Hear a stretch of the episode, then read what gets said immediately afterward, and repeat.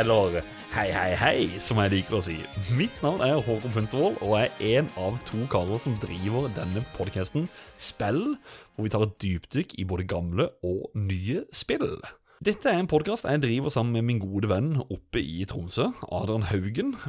I denne episoden så skal vi snakke om hidden gems til eh, MS-DOS, eller såkalt skjulte perler. Vi har jo tidligere lagd to eh, episoder hvor vi, eh, ja, meg og Adrian, sammen med en gjest eller to, har funnet frem noen skjulte skatter, eller det vi mener er eh, skjulte skatter, til Super Nintendo og PlayStation 2. Denne gangen så hoppa vi Vi la fra spillkontrolleren og konsollen ved TV-en. Vi hoppa bort til PC-en og skulle begynne å altså, dypdykke litt i MS-DOS, eller finne disse her gamle skattene. Så hvis jeg sier Doom, Commander Keen, Jazz Jackrabbit, Prince of Persia, Sid Meier's Civilization Det er ikke de spillene vi skal snakke om, for de er jo veldig kjente. Vi skal finne noe skjulte skatter. Og for at vi skal få gjort det på best mulig måte, så har jeg fått med meg to gjester. Jeg kan begynne med han ene, som var med og snakka om brum-brum-spill, eller bilspill. Han har med oss å snakke om spillsamling, og han er den personen som passer på at alt er greit inne på discorden. Ta vel imot verneombud Ivar Goldenboy Lobben, eller Fotpromp. Hei, hei! Kjært barn har mange navn. Og jeg har dem alle. ja, hei! Halla! Klar for å snakke litt om eh, DOS-spill? Ja, jeg skulle liksom være det, da. Ja. I hvert fall gjøre et lite forsøk. Ja. Jeg skulle til å si at vi har jo fått snakke om DOS-spill før, men det tenker jeg meg litt om, så Jo, jeg nevnte Outrun, faktisk, når vi snakker om bilspill. Stemmer, stemmer. Så vi har snakka DOS før med det. streifa, streifa. Yes. Og så har vi en til, og vet du hva? Eh, som navn, for utenom meg og Adrian, så tror jeg faktisk han er den som er blitt nevnt mest i podkasten, sånn i helhet, ved navn. Han har faktisk aldri vært med, men det har jo alltid vært sånn der, vi har alltid hatt lyst til å ha han med. Han er skribenten til episodene til spill inne på spillhistorie.no, og han er eier av spillhistorie.no. Joakim Froholt. Hallo. Hei, du. Bra introduksjon. Ja, men du, Så gøy egentlig å kunne liksom si navnet ditt og introdusere deg, istedenfor å bare si sjekk ut alle uh, alle uh, artikler som Joakim Froholt skriver på spillhistorie. Nå er du her. Ja. Yes. det, det, er kjempegøy. Det er jo et fantastisk ærefylt oppdrag å få lov til å skrive artiklene på podkasten deres, så da er det gøy å være med òg. Ja, vi sier jo det at det er jo en ære å lese alt det du skriver. For at uh, du Ja, som Adrian er veldig flink til å poengtere hver gang, at uh, du skriver uh, ti ganger bedre enn det vi gjør om, om noe som helst av våre episoder. Så det, det, er gøy å lese for oss også.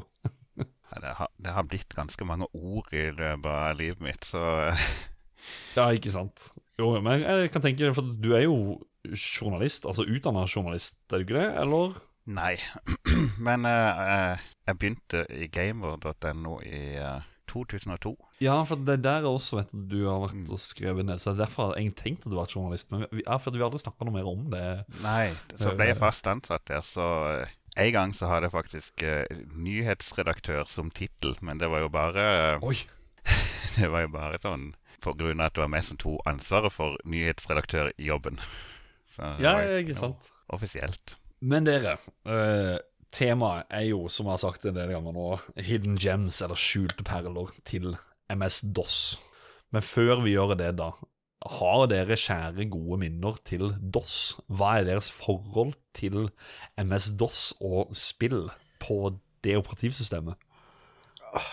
Hvis jeg eh, får lov til å starte, så må jeg jo eh, si det at det er jo fly rundt til naboer, først og fremst, og, og, og venner og bekjente, og få, få spille litt. Og så fikk vi jo PC etter hvert sjøl, og fikk mulighet til å ta Eller fikk gleden av å ta del i det fine universet som er DOS-spill. Mm. Så ja, barndommen, rett og slett. Ja. Og du, Joakim? Jeg var jo av den typen som hadde Amiga når jeg var barn. Ja, riktig. Og eh, det hadde jeg ganske langt opp i tenåringen. Og så fikk vi en PC på slutten av 90-tallet, men det var en multimedia-PC av den veldig sugne typen. OK. Så, så etter hvert så ble eh, helt ordinære spill de, de funka ikke på den. Hvis det var noe som skulle ha DirectX, f.eks., så ble det stort sett bare sorgen. Mm. Og da endte jeg opp på piratkjøret, holdt jeg på å si. Og da var det pga. det var dial-up-modem som var veldig tregt. Så var det jo abandonware det gikk i. Så eh, når eh, alle de andre spilte kule nye PC-spill, så spilte jeg gamle DOS-spill. Ja, for det er litt interessant at du sier abandonware, eh, for du hadde også noe som, noe som heter shareware. Eh, abandonware, hva var det nå igjen? Det er vel Det er et uh, begrep som ikke egentlig betyr noe. Det betyr egentlig bare gamle spill som man uh, later som rettighetsinnehaveren ikke bryr seg om lenger, men som man Abandonware er vel, er vel mer det at det er et begrep som er skapt for at de som bruker spill litt ulovlig, skal få en litt bedre samvittighet. Det er vel omtrent bare det. At de ikke for... skal ha så dårlig samvittighet. Ja. Så for min del så var det jo fordi at det var, de var jo små, da. Jeg kunne laste ned eh, kanskje flere spill på én megabyte. Og Mm, mm, det betydde jo litt når det at ting var supertregt og kosta penger for tellerskritt. mm. Så um, ja, da, det var jo en veldig kul abandonware-scene, holdt jeg på å si, med mange kule nettsteder som Home of the Underdogs og sånne, som mange sikkert Mm. husker. Så det var gøy å oppdage DOS i ettertid. Og det var Mm. mange klassikere der som jeg oppdaget, og kanskje spesielt fordi at jeg likte jo strategispill, rollespill, eventyrspill, og det var ikke alltid så mye av det på Amiga. Så fikk jeg liksom plutselig Wow, her er- det mye som jeg ikke har hørt om engang. Ja, for at der sier du noe med det med strategispill og altså Amiga. For at jeg, jeg føler det nå i voksen alder, at de som vokste opp med Amiga, og som har fortsatt sånn skjært eh, minne til Amiga, at DOS var på mange måter litt Kall det i hermetegn ræva, på en måte. Det, for at det, det er farger som gjerne var litt annerledes. Det var Eh, lyden var jo annerledes. Jeg har jo stått og digga til Ski or Die-musikk og alt sammen, og så er jeg blitt kjent med Commodore og Amiga årene etter, og bare Oi, hva er, hva er det egentlig jeg digger for noe? DOS-musikken er jo egentlig helt grusom. Men ja Kjærligheten til det som har, som har talt for meg, da. Så eh, Men ja. Nei, så det eh, Ja, PC-en hadde jo sine egne styrker, da. Så den, Ja. eh, Amiga var jo gjerne Spillene var gjerne litt mindre i størrelse, f.eks. mm, Og så da, da var det sånn Eventyrspill de var jo gjerne veldig store. Ja.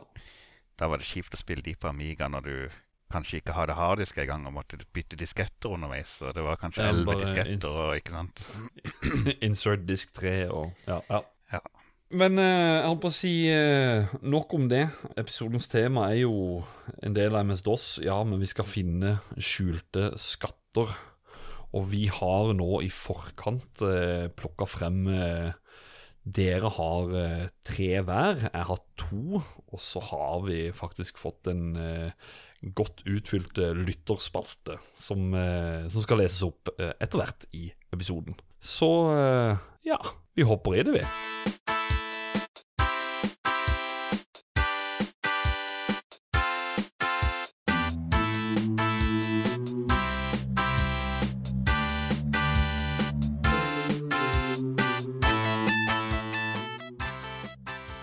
Vi begynner. Og Ivar, jeg tenkte vi begynner hos deg. Hva er din første skjulte skatt? Eller hidden gem? Hidden Gem, ja. Jeg kan jo starte da med å si at jeg ødelegger jo hele konseptet med en gang, kanskje, da. Med tanke på at det Oi. er Hidden Gem. Og det er jo ikke øh, kanskje så hidden. Vi kan jo starte med å nevne en dato som er 26.4.2021. Og det er jo kanskje en dato som gjør at det ikke er så hidden her på, på denne kanalen, eller på, det, i, på dette um, community og, Nei. og podkasten. For det er den dagen du satte eh, verdensrekord i speedrun. Ja. På 37 37,78 sekunder i Jones in the fast lane. Mm. Så veldig hidden akkurat her, det er ikke. Og det er ikke sikkert det er så hidden mange andre steder heller. Men den erfaringen jeg har opp gjennom åra med Jones in the Fast Lane, det er jo at eh, jeg har et kjempegodt forhold til det. Og jeg har fortalt det til så mange opp gjennom tida som aldri har hørt om det. Det er liksom Jeg tror ikke jeg ljuger hvis jeg sier 90% av dem jeg forteller 'Å, spilte du Jones in the Fast Lane når du var ung', liksom? Eh, Eller i barndommen? Så er det nei. Det, nei, det har jeg ikke hørt om. Derfor velger jeg å ta det med. Mm. Og Jones in the fast lane Altså, hva kan du kalle det? Eh, et simuler hverdagssimuleringsspill, kanskje? Er det kanskje, å, kanskje ja, riktig? jeg, jeg har likt å, kalle, eh, likt å kalle det for pre-Sims. Altså, det, det er liksom tidlig Sims-spill. Ja, det er, jo, det er jo blanding av brettspill og Sims, kanskje. Sånn øh, Du Det som er jo greia, da, vi kan jo gå litt uh, i dybden på det. Det er uh, utgitt og utvikla av Sierra Entertainment. Mm. Sierra er jo store. Uh, og det er jo Det, gjør, det er jo singleplayer om det gjør seg best i multiplayer, uten tvil. Det er um, rett og slett at målet er Du kan jo du kan justere måla da, på forskjellige uh, parametere. Men målet er å være den lykkeligste, rikeste, mest utdanna, vellykka spilleren i spillet.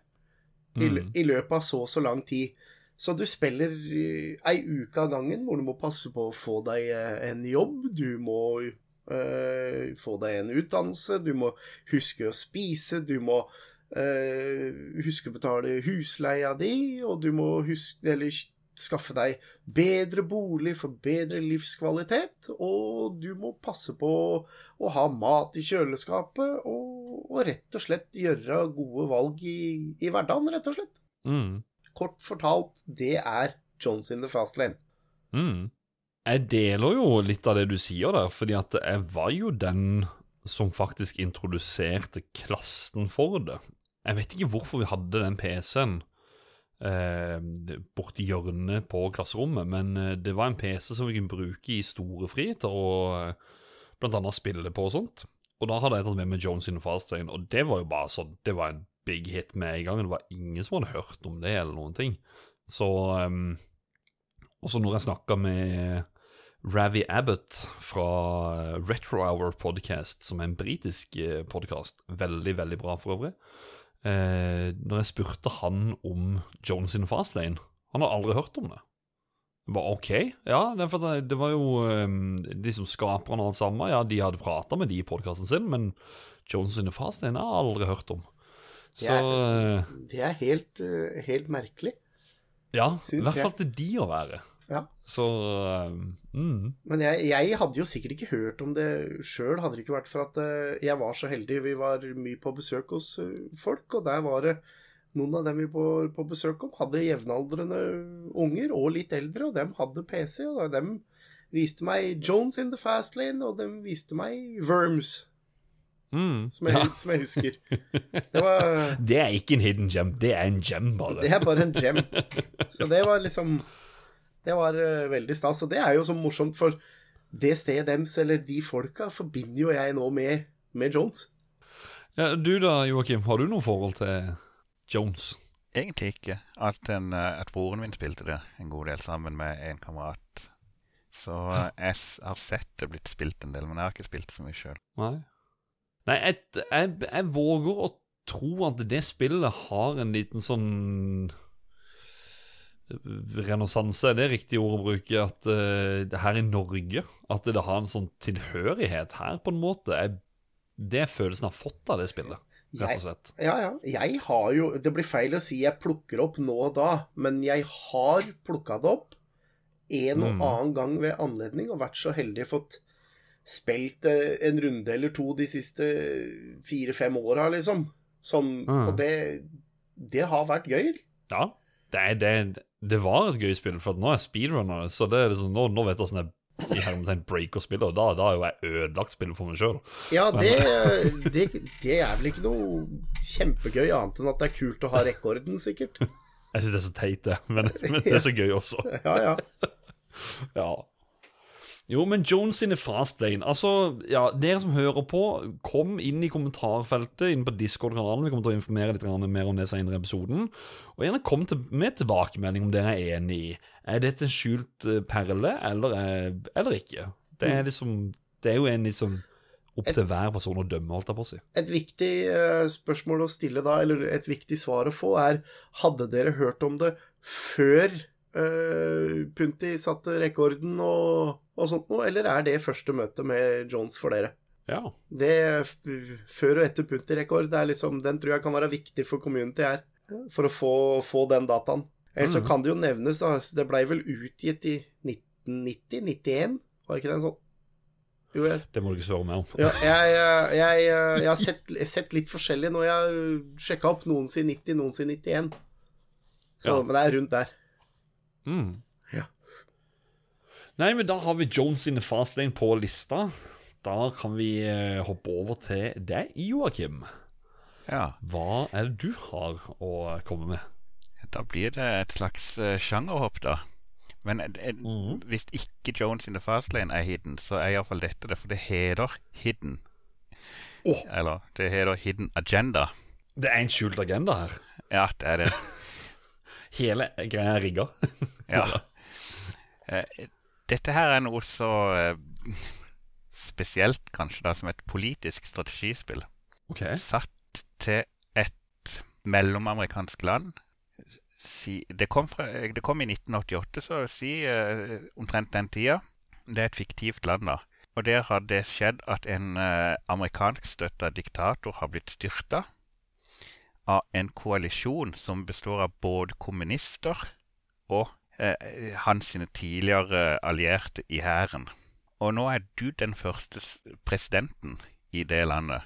Og må du prøve å forholde deg til disse her to veldig forskjellige fraksjonene og en hel haug andre fraksjoner, og prøve å se om du kan eh, på en måte guide dette landet til å bli Ja, det bestemmer du egentlig sjøl. Jeg har jo alltid prøvd å få det til å bli et et demokrati av type vestlig, eh, europeisk, men eh, jeg har aldri helt fått det til.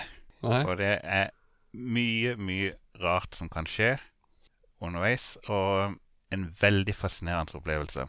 Er det tekstbasert, eller er det sånn uh, strategi og uh, typ sånn tycoon-spill og sånt?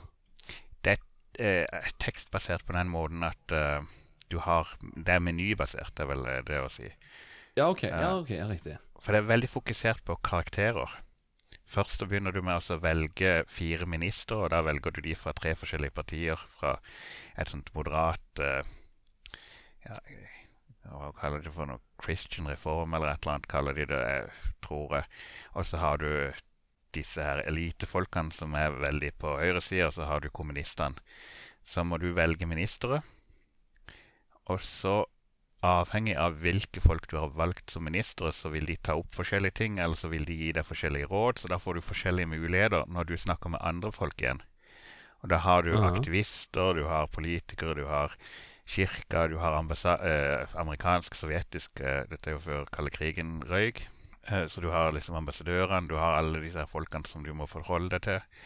Og prøve å gjøre til lags, egentlig. Og prøve å få så mye som du kan ut av.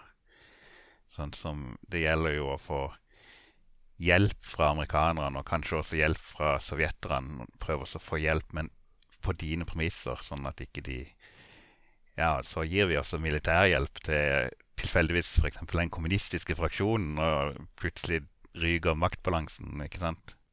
Mm. Kan, skal jeg ta et lite eksempel sånn tidlig? Ja, ja, ja. ja veldig gjerne. Noe av det første som skjer, det er at denne her diktatoren som har hatt kontroll, han har vært en drittsekk, sånn som diktatorer veldig ofte er. Og han har hatt hemmelig politi som har, eh, skal vi si i hermetegn, da, forsvunnet folk. Og så er jo da selvfølgelig kommer slektningene til disse og folkene som kjente dem, og vil gjerne ha rettferdighet. De vil at disse menneskene som sto bak eh, forsvinningene og torturen og alt dette her, skal stilles til retten. Og da tenker jo du selvfølgelig. Men problemet er at du har kommet til makta bl.a. med støtte fra hæren, eller folkene i hæren, som har vært med på dette her, eller er veldig godt kjent med folkene som har vært med på dette her. Og de vil jo ikke ha noe sånn eh, De vil jo at fortida bare skal ligge i fortida. De vil ikke ha noe Mm. eh, bli arrestert. Og avhengig av hva du gjør da, så kan det egentlig ende i, i borgerkrig nesten nærmest i starten. For det at uh, de vil da prøve å underminere, alle forsøk på å få stilt folkene til retten, mens kommunistene på den andre sida og den, mye av sivilbefolkningen de er veldig eh, på at du skal gjøre det. Så det blir, liksom, blir du dratt i begge retninger der. Ja. Så blir det kaos. Men, men er, det- er det en Jeg holdt på å si, er det et endgame på det spillet her? Eller er det sånn der eh, eviggående Du bare driver det landet og eh, og- Ja, eller Ja, eh, det er I utgangspunktet så er det vel fire år du har til å begynne med, hvor du skal prøve å Mm. få i gang demokratiske valg, og gjerne bli gjenvalgt. Men uh, da Ja. kan du godt Det kan godt skje at det blir uh, militærkupp eller uh, som sagt en borgerkrig, eller at du blir avsatt eller drept før den tid. mm. Det kan til og med ende opp med innovasjon fra USA hvis det er at du har vendt deg veldig i den andre retningen. Og så er det også en innovasjon som du kan faktisk holdt på å si vinne. da Du kan stå imot. Mm. Det har aldri jeg klart, men eh, en venn av meg klarte det, og det, da var han veldig stolt. uh, men ja, det, det ender stort sett med at enten så blir du gjenvalgt, eller så taper du valget. Og hvis du blir gjenvalgt, så kommer litt an på hvilken grunnlov du har fått i stand. da, om du Det er jo mange som gjerne vil at Grunnloven skal ha begrensning på hvor mange perioder du kan si det, og så er det andre enn som ikke vil det. Så eh, Altså, det er jo egentlig, det er egentlig et spill som også sånn der Det baserer seg veldig mye på valgene du tar. Utspiller seg veldig uh, Ja. etter hvert i spillet. Det er mange Ja. veier å gå. Ne, ja, og nesten alt er basert på disse her eh, møtene med forskjellige folk, og hva du velger i hvert møte. Så det er veldig Ja. lite sånn um, Du kan ikke bestemme så mye sjøl. Uh, du kan egentlig bare prøve å ja, ja, ta de riktige valgene, og så håpe at det går.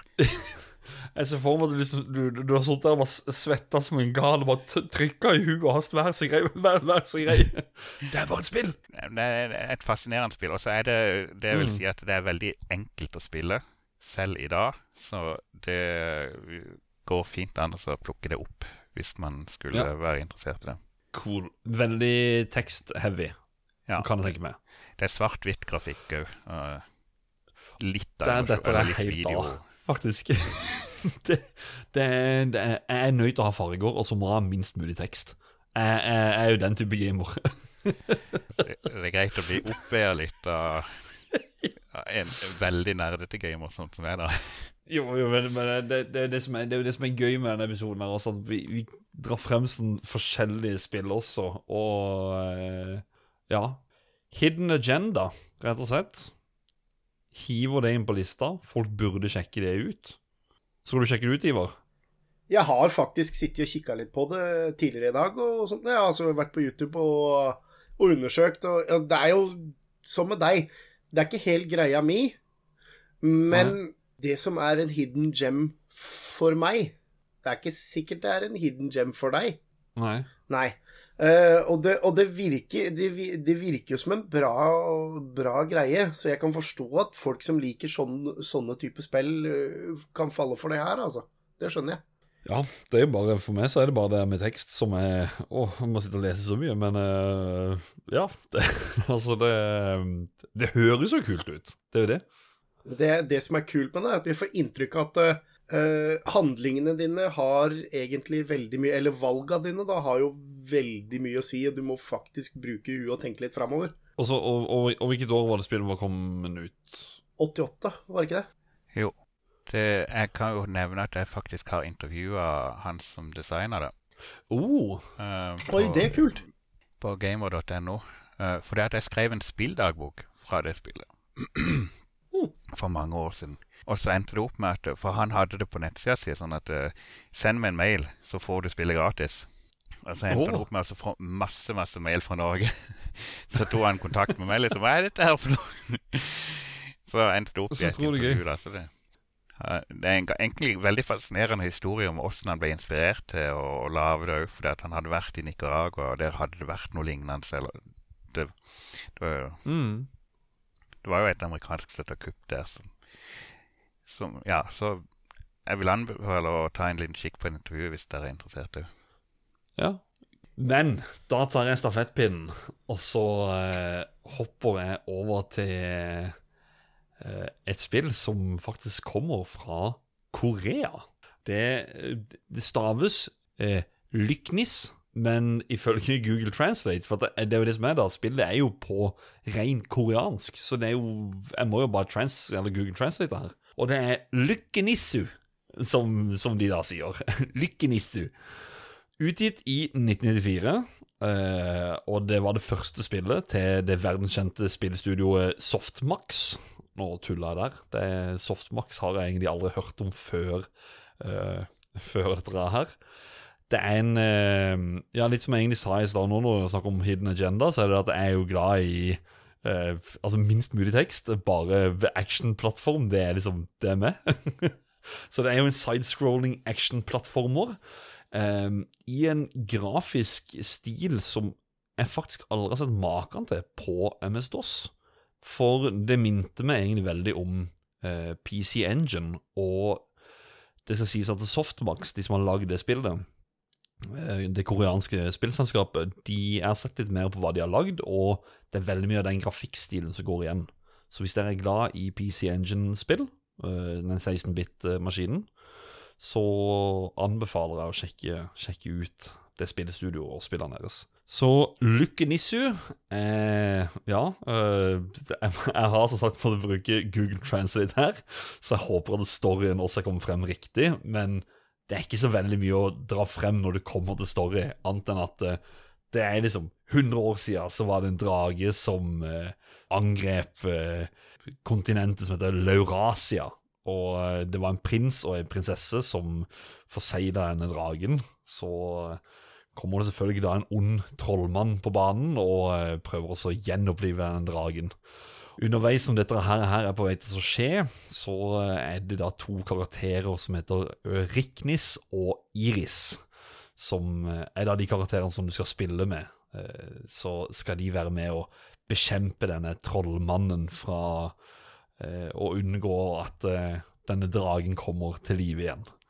Det er liksom kanskje noe av det mest brukte um, eh, plotten på, på, på mange måter. Det er alltid 100 år siden, en eller annen gang langt, langt borte, i et land ingen har hørt om. Så um, det er jo, ja, som sagt, en, en plattformer. Uh, veldig pen grafikk. Uh, og du spiller med to karakterer. Reknis, som er en vanlig Melly-karakter, som vil si at uh, du må liksom ha karakterene rett foran deg. Eh, og så har du Iris, som er en long range, som da har lengre distanse. Eh, hva som er mer forskjell på de, det vet jeg ikke så mye, for at jeg har spilt med Iris, som jeg vil kalle for easy mode. Eh, og ja, så samler du gull og kommer til noen sånne shops og sånt etter hvert, og ja, kan oppgradere våpen og, og diverse. Ganske sånn basic plattformerspill, men eh, igjen, da, den grafiske biten som, som virkelig setter, setter uh, sine spor her, da. Og uh, ja, jeg oppdaga det jo under en eh, konkurranse som heter DOS-cathlon, som er eh, arrangert av RGL TV, hvor vi da fikk en sånn pakke med spill som det står, det står bare tall. Spill 1, 2, 3, 4, 5. Og så har vi diverse mål som vi skal gjøre. Og det er sånn type uh, Complete Stage 2, uh, som jeg tror var greia på, på det Lyknis, eller Lykkenissu. Og det var der jeg oppdaga det. Og egentlig alle andre som deltok i det uh, i det speedrun-racet der, de var også overraska over det spillet. Det var, det, var ingen, det var ingen som hadde hørt om det. Så jeg, jeg må spørre, har, har dere hørt om det? Jeg har aldri hørt om det. I det ikke Nei. før du brakte det på bane her nå. Mm. Men jeg har, jeg har kikka på det, sånn på YouTube og litt sånt noe. Og jeg ser jo det at det, her er det jo vært nødt til å hente inspirasjon fra mange plasser. Ja. For det, som du sier, det ser jo magisk ut. Det ser jo kjempepent ut. Men veit du hva det første som slo meg når jeg ser fargepaletten, og jeg ser eh, skrifta på f.eks. Stage Clear og, og myntene og sånt noe? For meg så er det ti spill som popper opp. Ja, men veit du hva det første som poppa opp hos meg? Nei. Super Fantasy Zone, Sega. Ja, ja, Ja. Det, ja, det også, De, ja. de far, fargepalett, og du ser myntene, eh, skrifta på map, stage clear og sånne ting, Mm. så er det, det Det er akkurat som det er eh, det, ligner så veldig, og så ser du eh, s- timen her og score og, og liva og sånt noe, så det er akkurat som det, det ser ut som det er henta fra eh, f.eks. Super Mario World, liksom. Ja, så er det jo Ja, fiendene er jo eh, søte sopper. Ja. Eh, det er liksom det, det, det, det var søt grafikk. Det er ikke noe, det er ikke noe sånn Det er veldig mm, sterke, fine farger, syns jeg. Kontrollene er egentlig så som så. Helt greie. Ja. Ja, for det, det, det ser pent ut, syns jeg. altså. Skikkelig pent. Og du sjekker noe på, på YouTube, du, Joakim? Nei, eh, men jeg har sett bilder nå, og jeg syns det også Ja. det ser Det ser ut som et eh, på en måte konsollspill. Ja, for, ja, for det, det, det var litt det med, med i stedet der med, med Amiga, dette her, at det Altså, DOS var liksom sin type grafikk og dette her. Du, du, du kjente gjerne igjen et Hvis du går inn og ser på Hvis jeg får opp et bilde, så kan jeg tydelig se om dette her er konsollspill eller et DOS-spill. Og dette hadde jeg absolutt ikke gjetta eh, at det hadde vært et DOS-spill. Og eh, apropos eh, eh, når, når, vi snakker om fin grafikk, så eh, skal jeg spille av en låt som også er helt sånn der Er dette DOS? Ta og hør.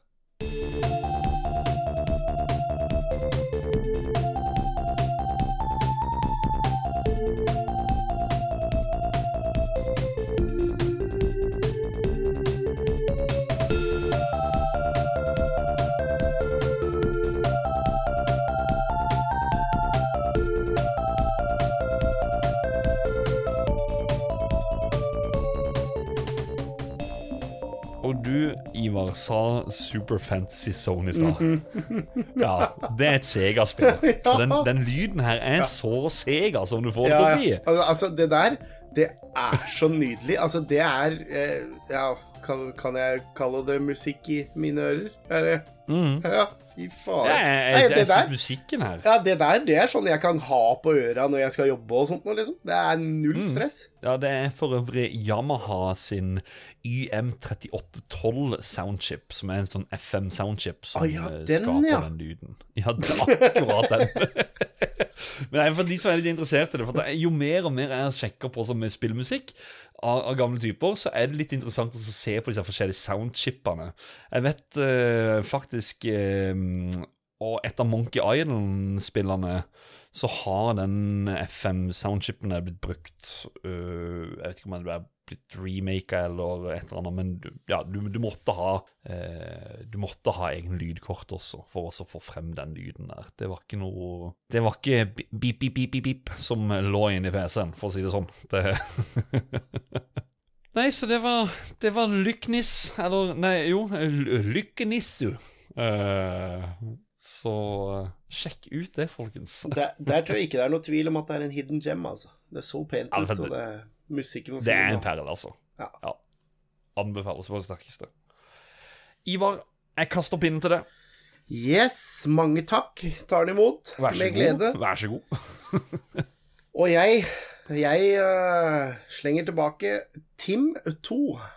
Eller øh, The Incredible Machine 2. Var det noen som noen gang kalte de spillene for Tim? Ja. Nei, nei, nei, for, for, nei for, for The Incredible Machine, mente jeg. Nei, det tror jeg ikke. Nei. Jeg lurer på om vi gjorde det, faktisk. ja, ikke The Incredible, men bare Incredible Machine. Ja. You guys. Um, og det er jo Det er jo Er det akronym du kaller det? Uh, når det er forkortelse for uh, et eller annet.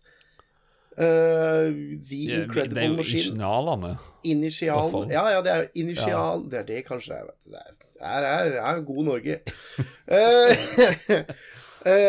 Han karakteren som du Som er fortellerstemmen, eller er figuren her, da, i spillet, han heter jo Tim. Men det, det Tim er, eh, det er et puzzlespill. Mm. Uh, og det, det er eh, et veldig enkelt, vanskelig spill. um, I form av at konseptet er veldig lett. Du har en helt blå skjerm med masse forskjellige ting. Altså, det er et singleplayer og multiplayer puzzlespill. Du kan lage dine egne baner, lage dine egne puzzler og, puzzles og sånn. Men i, uh, i singleplayer-moden så skal du gå gjennom, uh, gjennom forskjellige uh, baner med puzzles. Hvorav det kan være så enkelt som å få baller oppi en kørj. Ved hjelp Mm. av vippehusker, ved hjelp av tunge bowlingkuler som, eh, som plasseres rundt om på, på banen, eller på den blå skjermen. Og så er det rett og slett når du trykker på startknappen, så starter rett og slett eh, all bevegelse, da. Tunge objekter detter, trepp, treffer vippehusker, skyter av gårde lette objekter, og de lette objektene skal lande på spesifikke steder, eller det kan være eh, Oppgava er eh, Du skal starte begge food-prosessorene. Her har du en kontakt, og så har du en hel haug med generatorer eller lysbrytere. øh, rett og slett øh, masse forskjellige puzzles øh, og, og gadgets som skal linkes sammen i form av 3D-møller og ja Ting som kan få andre ting i bevegelse og reagere. Kreativ puzzle kan vel nesten kalle det.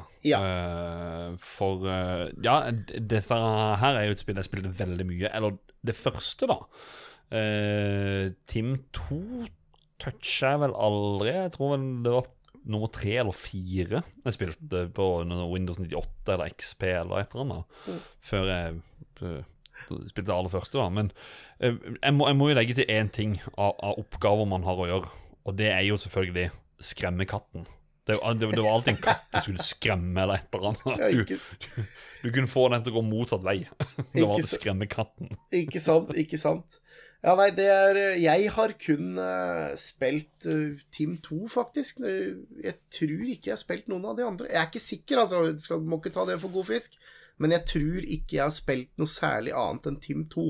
Nei, for jeg skal vel med en uh, Team 1 er jo et sånn, kall det et, et kjent spill, men Team 2 har jeg egentlig aldri hørt noen nevne. Ja, jeg spilte masse Team 2 på datarommet på barneskolen. Datarommet. På datarommet. Alltid snike seg inn på datarommet. Vi gikk på datarommet og uh, spilte Team 2, og fikk kjeft hvis vi ikke brukte Netscape Navigator. Da kunne du argumentere for at det var litt sånn logikk og sånt noe dette.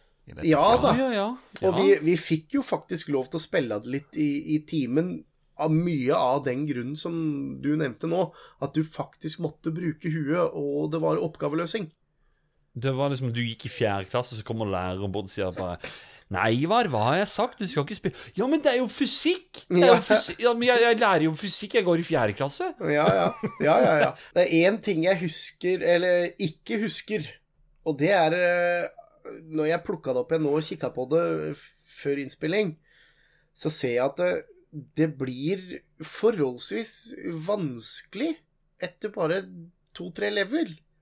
Mhm. så blir det litt sånn at det, du går ikke gjennom dette her sånn i bare plankekjøring og, og, og uten å gi det noen forsøk, altså. Du må tenke litt når du kommer bare noen få leveler uti. Jeg skal, jeg, skal, jeg skal si én ting som jeg syns er litt fun med det spillet her. Som jeg tror er en fun fact. Uh, nå sier jeg det uten å ha dette her bekrefta. Men The Incredible Machine, altså det første, het for veldig mange Tim. På grunn av XE-filer. Og når du også skulle starte spillet i DOS, så skulle du typ skrive XE-filer, og da var det liksom Da skrev du Tim for å starte det.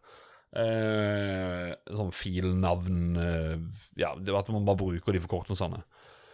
da var det ingen karakter som, som het Tim i spillet. Det var bare The Incredible Machine. Men i nummer to der så han der blonde fyren, og han, han, han er også med i der tre eller fire Ja, som jeg også spilte. Og jeg vet at han har introdusert seg som Eller introdusert seg sjøl som eh, professor Tim. Ja, Så jeg tror at dette her er noe som faktisk kommer ut av at eh, vi som spillere av det første som spilte Tim, har skapt den karakteren av at de har den fila Tim. Han har nok blitt skapt ved en eh, slik tilfeldighet, tenker jeg. Det kan nok sikkert stemme, det. Ja.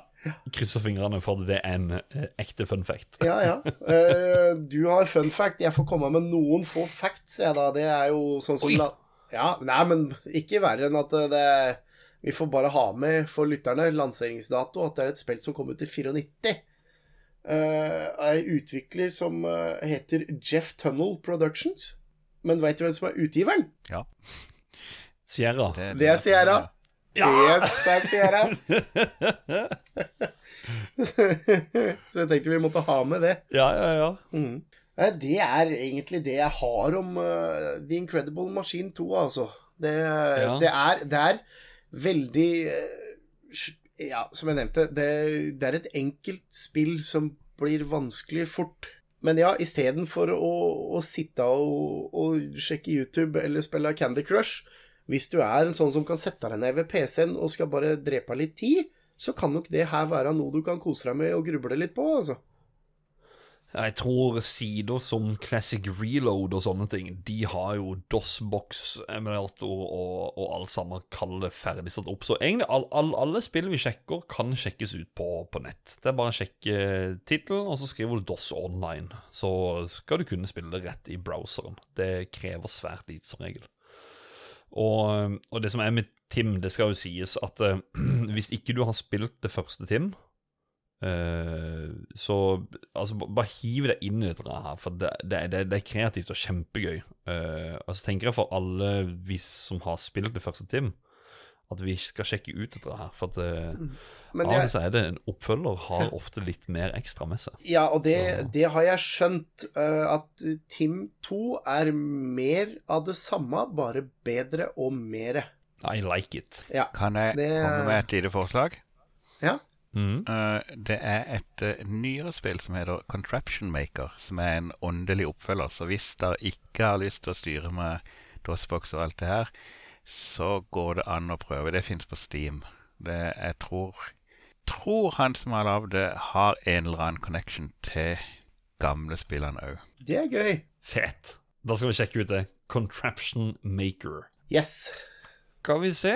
Da tenker jeg Joakim. Ivar kaster pinnen til deg. Ja. Ja, da tar jeg imot pinnen. Og så hopper vi tilbake til 90-tallet og eh, ut i verdensrommet. Med Star Control 2 fra Toys for Bob, som fortsatt eksisterer, eh, faktisk. Det er et, få, et av veldig få studier som har blitt kjøpt opp av Activision og ikke lagt ned. Oi! Toys for Bob. Ja. Aldri hørt om. De har vært involvert i noen av de der eh, remakene til Activision fra ti, som var ganske bra i nyere tid. Uh, men uh, nå er det sikkert bare Call of Duty som hjelper studio. Uansett, Uh, Ja. i 1992 så var de uavhengige, og da var det Accolade som var utgiveren de sin for dette spillet. God gammel Accolade, ja. Ja, de hadde mye bra. Og dette er et av de beste spillene, syns jeg, fra de. Og faktisk et av de beste spillene som jeg har spilt på DOS, sånn overhodet. Mm. Det er store ord. Ja, det er, det er et stort spill òg. Det er science fiction. Foregår ganske mange år etter at menneskene og masse allierte har tapt en uh, vanvittig stor krig uh, mot en slags insektrase eller noe sånt som kalles urquan. Og de har gitt alle de som eh, de overvant, tre muligheter. Enten så blir det våre slaver og slåss for oss. Eller så tar vi og bare skviser der inn i på hjemmeverdenen deres, setter et energiskjold rundt planeten og sperrer der inne for alltid. Eller så utrydder vi der.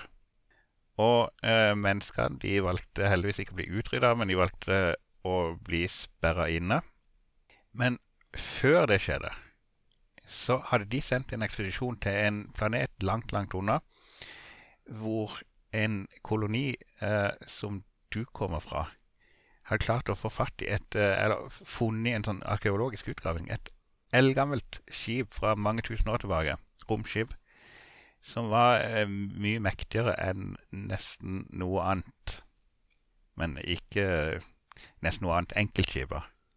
Så nå kommer du Mhm. tilbake mange, mange år etter at menneskene tapte.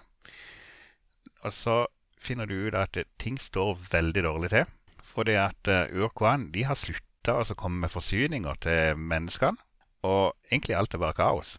Og så er da på en måte din jobb å så finne ut av egentlig hva som skjer. Og eh, hvor er Urkwan blitt av?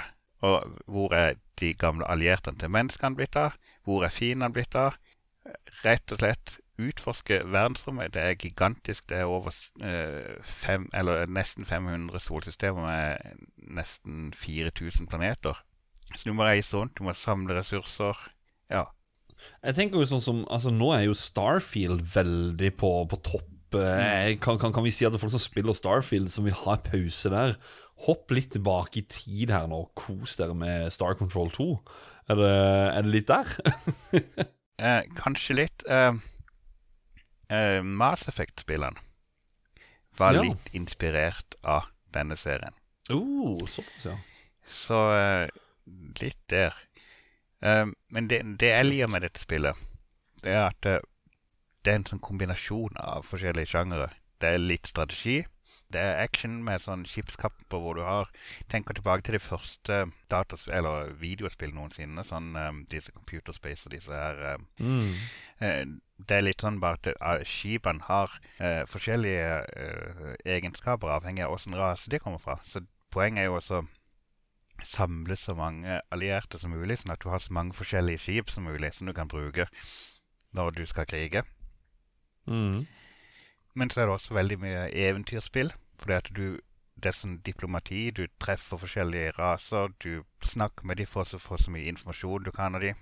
Bare det å jakte etter spor. For du, I starten så er du på jakt etter uh, en base på månen. Og når du finner den, så finner du koordinater til et nytt sted som du kan reise til. Og dette er sånn du typisk skriver opp da på papir, for det at, uh, jeg tror ikke det er noe in game-notering. Så den, du får et sånt svært ark fullt av notater etter hvert om åssen sted du bør gå neste. For det du, du har en tidsfrist på det. Uh, han er ikke sånn veldig eh, det, det, det er sånn Du har egentlig grei tid, men altså du kan ikke begynne å si at nå skal jeg utforske alle de 4000 planetene etter tur. Du må drive detektivarbeid. La, la meg gjette. Uh, igjen ganske tekst-heavy spill, eller er det Ja eh, Både ja og nei. For det er veldig mye Ja. arkadesekvenser her. ah, Sånn- Ja, det liker jeg. utforsking av planeter og sånn, det, det er fullstendig arkadebasert. Du må liksom kjøre rundt og så skaffe forskjellige Du finner sånn blobber med ressurser, rett og slett, som du må plukke opp. Som du Ja, bruker. ja, ok. Ja, riktig. Men også er det, det er ikke en sånn strategi sånn sett. Det er mer sånn eventyr, eller uh, du treffer folk. Du prøver å finne ut hva det er de vil for oss å bli alliert med det, osv. Ja. Men det er vanvittig mye humor i det. Jeg, jeg, jeg ser uh, Har jo kikka igjennom og forberedt meg litt på, på dette her òg. Og har sett at det, det er ganske komplekst og, og mye informasjon i det spillet her. Blant annet som Du har jo et sånt flagship, eller eh, et starship, eller hva de kaller det. Som du kan modifisere med forskjellig seksjon til mannskap, til fuel, cargo, litt sånne eh, forskjellige ting. Og du må passe på å ta med deg mannskap, forflytte mannskap og, og refuele og Så det er ganske, ganske omfattende, det spillet her, altså. At du Ja. må dra rundt til forskjellige planeter og Så uh... Men det, det vokser litt sånn naturlig når du spiller det. mm. Mm. Så det er ikke sånn supervanskelig i starten.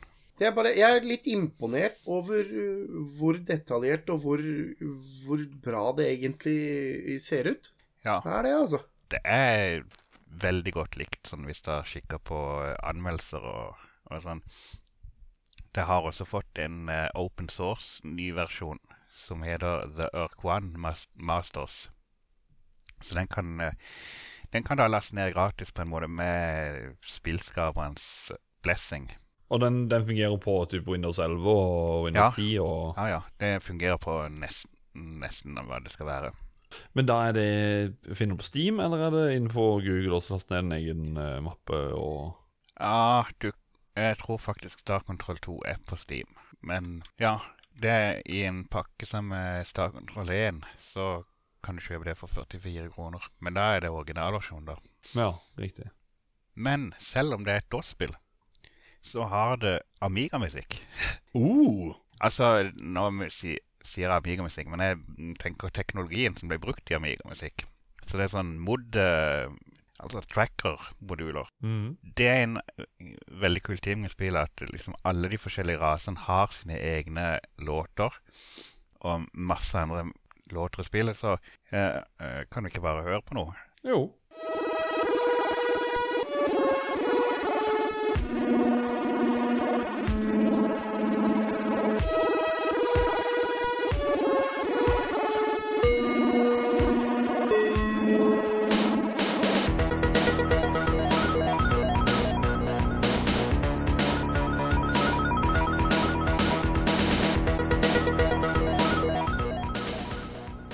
Dritkult. Ja, det er den låten som spiller når du kjører rundt i hyperspace.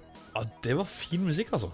Liker eh, Likte det du egentlig sa der, at det, det er jo Amiga-musikk. For det er sånn som jeg prøvde å si med der Lykkenissu, eller hvordan man uttaler det At, at musikken er så ikke DOS som, eh, som det kunne få blitt. Og dette her er jo heller ikke DOS. Dette her, her er jo Det er jo Amiga-musikk. Bare på DOS, da. men det, her funker det på eh, vanlige soundblaster.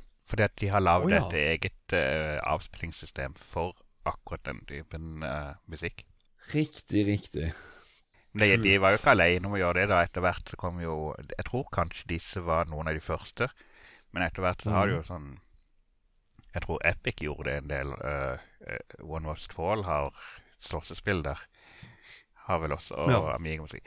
Eh, Mm. Du har til og med spill som Unreal og uh, Dios X har er bygger på samme teknologien som eh, Amiga-musikk. Så Ja, riktig. Kult. Jeg vil anbefale deg å gå inn på YouTube og se gjennom litt eh, gameplay, Håkon, og dere lyttere. For uh, musikken inne her Det er noen sekvenser inni her hvor det ser ut som de står og holder en samtale i et jævla diskotek. For det, det blinker noe lys og noe sånt, og det er den mest sinnssyke syretripp-musikken jeg noen gang har hørt. Det er helt nydelig, altså. Nydelig. Ja, da Nei, er det men, kanskje de eh, små grønne mennene du har eh, sett på. Ja, det kan, ja, det jeg har sett noen av de små grønne mennene. Og så sett bare noen samtaler med en pilot eller med, en, med en, eh, et menneske, rett og slett. Da. Der var det noe skikkelig diskotekmusikk. Ah, dette spillet er forresten, eh, apropos Mass Effect, som jeg snakket om før. Her eh, tror jeg kanskje det er dette spillet som introduserte blå romvesendamer. Lettkledde sådan. Så det er en av tingene som Mass Effect har lånt fra det. Da er det bare sterkt å anbefale å sjekke ut Star Control 2. Indeed. Da tar jeg pinnen som snakker om eh, Ja, som for meg er, er en klassiker. Eh, vet ikke det, det går nesten litt sånn som du snakka om i stad, om Jones in the fast lane. Eh, jeg føler ikke alle har eh, det, det er nok mange som har hørt om det, men det er ikke så mange som har spilt det, føler jeg. Og det er et tycoon-spill. Altså, folk har jo hørt om Sid Meyers uh, Railroad, uh, Railroad Tycoon. Du har Transport Tycoon, også Rollercoaster Tycoon. Men vi som er glad i pizza, vi digger jo Pizza Tycoon. Utvikla av Cybernetic eh, Corporation og utgitt av Microprose i USA og Software 2000 her i Europa. Eh, og siden spill på den tida flaksa litt uh, mellom floppy disker og alt mulig, så kunne det hende at det var Microprose-logoen du kjente eh, mest igjen der. Den røde uh, Ja, det er en ganske, ganske gjenkjennelig logo. Litt sånn som jeg nevnte med Accolade i stad. Ja. Spillet er jo en tycoon sånn det er jo en business-simulator, om det er riktig sjanger og å si at det. Du skal være da en pizzarestauranteier, eh, og eh, det Men det, det, er ikke sånn at eh, du skal bare drive en pizzasjappe, og det er det. Det er ikke helt rent mel i posen her. For det er jo en konkurranse i storbyen, og eh, skal konkurranse, konkurransen gå da på å ha den beste pizzarestauranten, den mest populære, den som ser best ut, skal servere best pizza, alt mulig. Eh, Du kan sabotere for hverandre ved hjelp av den lokale mafiaen, og bombe annet disse her eh, pizzarestaurantene til andre. Og så kan du tjene litt ekstra cash ved å selge både våpen og, eh, og litt uh, uh, ulovlige drugs. Uh, så det, er ja, det er ikke Det er ikke et, kall det, vanlig tycoon-spill, sånn som ja, som tidligere nevnt da, Railroad Tycoon og Transport Tycoon. og Det er liksom litt mer shady business uh, lagt, lagt til det. det høres jo helt sprøtt ut. Ja, min bror var vel den som introduserte meg for det. Eller det var han som hadde det, uh, sammen med en vennegjeng av seg. Og uh, det er jo egentlig via der jeg har skjæra minner av det. Fant ut av at en annen i klassen, Petter, han, han hadde også noen minner til det. Så det var jeg tror vi gikk i femte eller sjette klasse da vi fått ut av å, vi må spille Pizza Tycoon igjen. Men ellers så har jeg hørt svært få snakke om eh, Pizza Tycoon. Eh, spillet hvor du skal sabotere for andre pizzarestauranter. Du skal lage pizza, blant annet, og du har en eh, fire-fem dommere som sitter eh, og gir deg én til ti i, i score, tror jeg det, på, eh, på pizzaen. Eh, ja. Det er det jeg husker fra Pizza Det er de ofte helt absurde ingrediensene du kunne putte på pizzaen. Ja. Du kunne ha en hel hummer. Ja. En hel hummer, ja. Helt, helt vanlig. Uh, og det var jo det som var gøy med spillet. Det at du kunne lage pizza. Men uh, første gang jeg spilte det, det kan ikke ha vært uh, tosifra i alder. Og og da å ikke kunne engelsk og skjønne det at du Du åpner Altså, du um, Layouten i spillet er liksom en sånn Ja, du har meny på sida og sånt, og så har du bilde av en by. Uh, så skal du liksom da zoome inn. Så har du diverse knapper du kan trykke på for å finne ut av hvor er restauranten din. Trykke inn på restauranten og, og finne frem til alt det. Det var ikke like lett når du var uh, var, var kid. Men eh, når du først fant, frem, og skulle begynne å lage pizza, da var livet komplett, altså. Da var det, ja, som sagt, legge en hel hummer oppå, og så kutte litt mozzarella og eh, hva er det for noe, kaste litt reker på uten at de er skrelt, og altså Totalt tullete pizza. Jeg vet ikke, har, har, dere no, har, dere noen minner til det? Er det noe kjent spill for dere? Nei, absolutt ikke. Eh, bare hørt navnet nå og da, men jeg har ikke sett gameplay av det engang før, før forberedelsene nå. Hmm. Jeg har ikke noe forhold til det. Nei, eh, For min del så er enda et sånt spill som det var broren min egentlig som spilte. Men eh, Så det er der jeg har det der eh, galskapen med pizzakomponeringer fra. Men eh, ja, ja, ja kom aldri helt inn i det sjøl, selv, selv om det er litt rart. For det er jo egentlig en type spill som jeg burde li. Jeg har jo tenkt på det en del nå i det siste, om at eh, skal, jeg sjekke ut det spillet igjen? Og uh, bare rett og slett gi det en uh, real sjanse. Og ja, prøv å spille og lage ordentlig pizza, ikke en hel hummer, som sagt. eller bare en stor tomat rett oppå der. Altså, kutt opp ingrediensene, legg på litt løk og uh, få frem uh, pepperonien og Sett det ordentlig godt sammen her. og ja, Ødelegge litt restauranter for andre og Altså, ja. Nå, nå, nå kan en jo engelsk istedenfor før. Så da, da, var det liksom Jeg husker jeg kom inn på den menyen hvor du kunne kjøpe noe granater og TNT og sånne ting, men jeg fikk aldri kjøpt noe.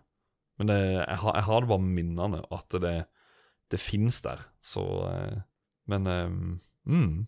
Ja, det, serien eh, eksisterer faktisk fortsatt, så Ja, under navn Pizza Syndicate, øh, husker jeg. Og så gikk det vel over til noe annet. Jeg tror originalnavnet var sånn Pizza Connection. Det tror jeg var fordi at dette er tysk spill, egentlig. Sånn som jeg forstår det. De Software oh, ja, ok. 2000, de var tyske. Så jeg tror Ja, det går an å få fatt i den. Men jeg så det var faktisk Pizza Tycoon på Switch. Men det er eh, en ny versjon, da. Jeg aner ikke om han er bra. Han er sikkert ikke bra, men uh... Nei, jeg vet hva det tviler jeg sterkt på. Pizza Connection on Steam. Skal vi se Hvis du søker på Pizza Connection på Steam, så får du Pizza Tycoon. Faktisk. Det originale. Kult. Da anbefaler jeg alle å sjekke ut det. Og så skal jeg ta og sjekke det ut etter vi har spilt inn, i hvert fall. Så er det bankmannen der er en flue, da? Ja, det stemmer det. Obskuriteten på karakterene er også en ting som er veldig verdt å nevne der. For det, det er en ting som er litt sjarmerende med spillet. Du skal, du skal velge et ehm, Du skal velge en karakter i starten, om, og den er, den er litt sånn som Jones sine Fastlane. Da er det litt sånn der måten Hva er de sine eh, Du må se liksom på det der med, med penger, med eh, intelligens og alt sammen. Eh, og så eh, Ja, designet på alle karakterene er bare hilarious. Litt sånn der Nesten litt mad-inspirert, tror jeg, faktisk. Sjekk det ut. Pizza Tycoon. Vær så god, Ivar. Du kan ta neste spill. Jeg tar pinnen og løper. Mitt neste og siste oh. og beste på lista, Oi. tror jeg. Jeg tror det, altså. I hvert fall eh, det som kanskje er mest hidden gem, tror jeg, da. Det er i hvert fall, hvert fall en gem. Og det er Raptor. Call of the Shadows. dritkult spill. Ja, Elsker det. Det er et helt nydelig singleplayerspill. Uh, utgitt eh, av Apogee og 3D Realms. Og utvikla av Mountain King Studios. Det er en scrolling shooter. Det er det det er. Mhm. Sånn top down scrolling shooter. Eh, sånn automover eh, Ja, rett og slett. Eh, det som er eh, greia, det er eh, ehm, Det er eh, et flyspill, eller det foregår i rommet. Og det er rett og, slett en sånn derre um, autoshooter. Eller jeg skal være så ærlig å si at jeg husker ikke om det er autoshooter, eller om du bare holder inne skyteknappen og skyter auto hele tida. Det er rett og slett et spill der du skal uh, skyte all innkommende fiender som kommer uh, etter hvert som du flyr gjennom, uh, flyr gjennom banen.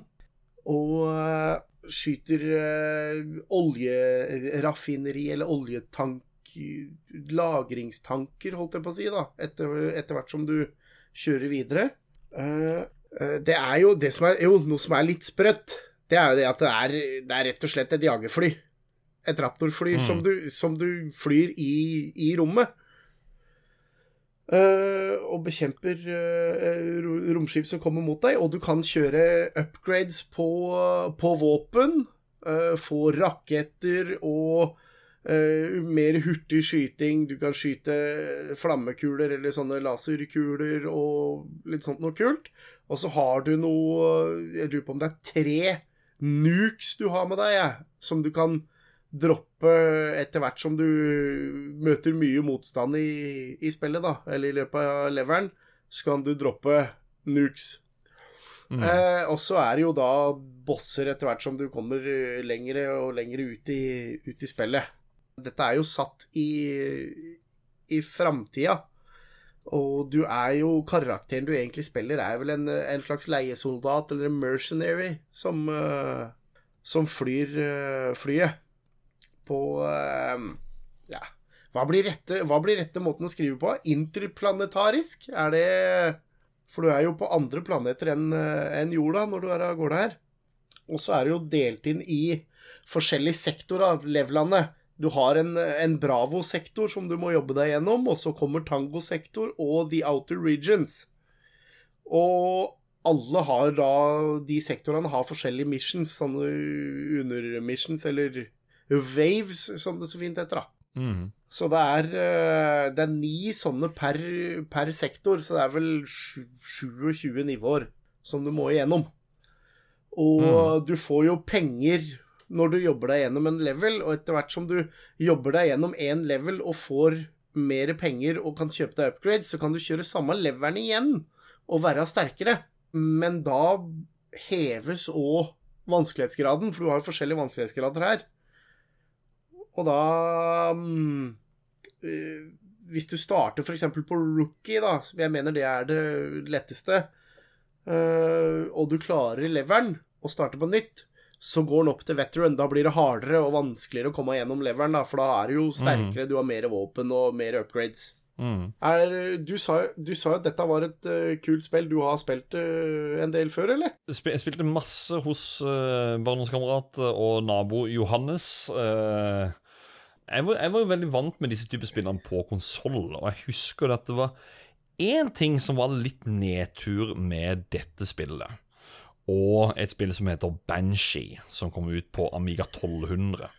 Det er at eh, det er view og field. Det er veldig sånn derre Plutselig så kom de eh, eh, romskipene eller eh, Ja, eh, altså fiender. De var bare plut Plutselig så var de på skjermen.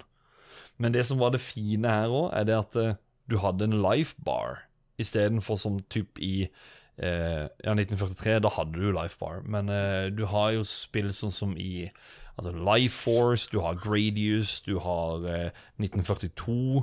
Da er det sånn Det er one hit, og da er du ferdig. Det er det ikke med Raptor. Så selv om at den, den biten var så stressende at Oi, nå kom de så nærme på her. Men du har jo helsebaren, som gjør at eh, det gjør ikke noe om du blir truffet én, to, tre ganger. Ja. Du, du tåler mye flere hits. Ja, du, Så du tåler en del hits her, men jeg må, jeg må, jeg må rette bitte litt på deg. Ja, Field of View er ikke så veldig langt, men du får en liten forvarsel, for alle skip som kommer imot deg, dem kaster skygge. Og skyggen kommer først inn i Field of View, og så kommer skipet. Så du får en liten for... ah, Ja, du får en liten forvarsel på et sekund, cirka. Så du har et sekund på deg før skipet kommer inn i Field of View. Ja, ikke sant? Kult. OK. Ja, nei, det, det, det, hadde, det, hadde jeg faktisk glemt. Men Mm. jeg, jeg husker bare at field Feel of View var så Det var så kort frem til de var der, at det var sånn her Åh, stress. Men, Men det, det som så har du health bar. Så Det ja. som er litt køddent, er at det plutselig så popper det opp en eh, ground to air uh, missile unit, for eksempel, da. Ah, som Mm. lu luftvern eller antiluftskytsraketter anti eller gud veit ikke hva, som plutselig kommer opp av en silo av bakken. Og dem kaster jo ikke noe skygge, dem bare plutselig kommer opp og begynner å skyte på deg. Så dem, er, dem kan være litt køddende. Så får du Ja. jo får du mye poeng for å f.eks. sprenge et helt bygning. Noen ganger så flyr du over bygning som dekker hele bakken under deg, liksom. Og da kan du jo Ja. sprenge. Mm. Mm. Og der ligger sånn type sånn bonusvåpen eller eh, ekstra mye penger eller eh, Mhm. Ja, for du, for du kan jo Ja, og så når du kommer tilbake til hangaren da, så kan du jo kjøpe forskjellige oppgraderinger. Sånn som du kan kjøpe deg bedre shield, du kan kjøpe deg bedre raketter. Du Mm. kan kjøpe deg en bedre plasmakanon, tror jeg de kaller det. Og det er sånn always on. Det er jo autoshooter. Så Ja. du har en sånn autoshooter, og så har du en og annen annen ting som du Jeg lurer på om nuken er den du dropper manuelt og sånt. noe, mm. Ja. Det jeg har lyst til å gi det spillet her også eh, Litt gøy at du har tatt det frem, egentlig. For det, det her, er sånn for meg et av mine soloklare favoritter som jeg drar frem. Eh, og jeg, tro, jeg tror egentlig jeg vil kvalifisere det som en hidden gem. Jeg tror ikke det er så veldig mange som har hørt om det. Eh, men det som jeg syns er veldig kult, er at den det, Som litt tidligere nevnt i episoden, dette her DOS og Amiga, liksom det derre eh, Når jeg var litt på det, så, så var det egentlig ment som at eh, det, DOS var ikke nødvendigvis sånn grafisk veldig bra til tider. Du hadde liksom Amigaen var jo mye bedre på det. Og så har du Arkaden, for eksempel, hvor disse typer spill virkelig har sin tilhørighet. Det er jo Arkadespillene. Men til å være et DOS-spill, så er det, det er dritbra, rett og slett. Jeg syns grafikken, jeg syns musikken, jeg syns alt er bare dritfett Ja, det det er, her. det, er, det er kjempekult. Farver og alt er helt uh, nydelig. Mm. Og apropos musikken. Hangarmusikken er helt magisk, og det er så nydelig når du har vært i menyen, og så skal du ut og fly. Eller du har vært ute og flydd og kommer tilbake og kommer til den hangarlåta. Den er helt konge, så den syns jeg vi kan ta og sjekke ut.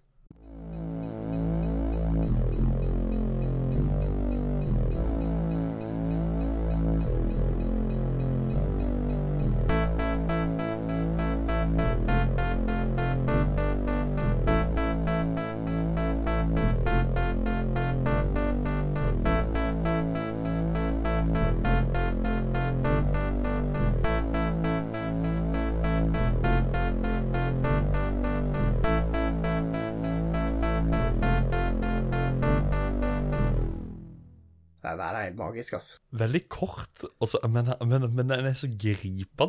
Ja, sånn der jeg- OK, shit's going down. Ja, We're no- gonna fly. noe skjer. Ja. Ja, nei, det liker jeg godt, altså. Det, det gjør jeg.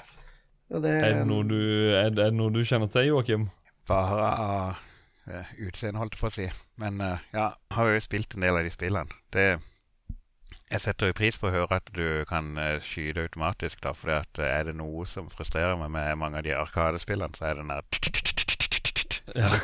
Å trykke hamre på knappen. Det blir jo eh, ødelagt av å spille det. Mm, mm. Så Raptor, Call of the Shadow. Nice.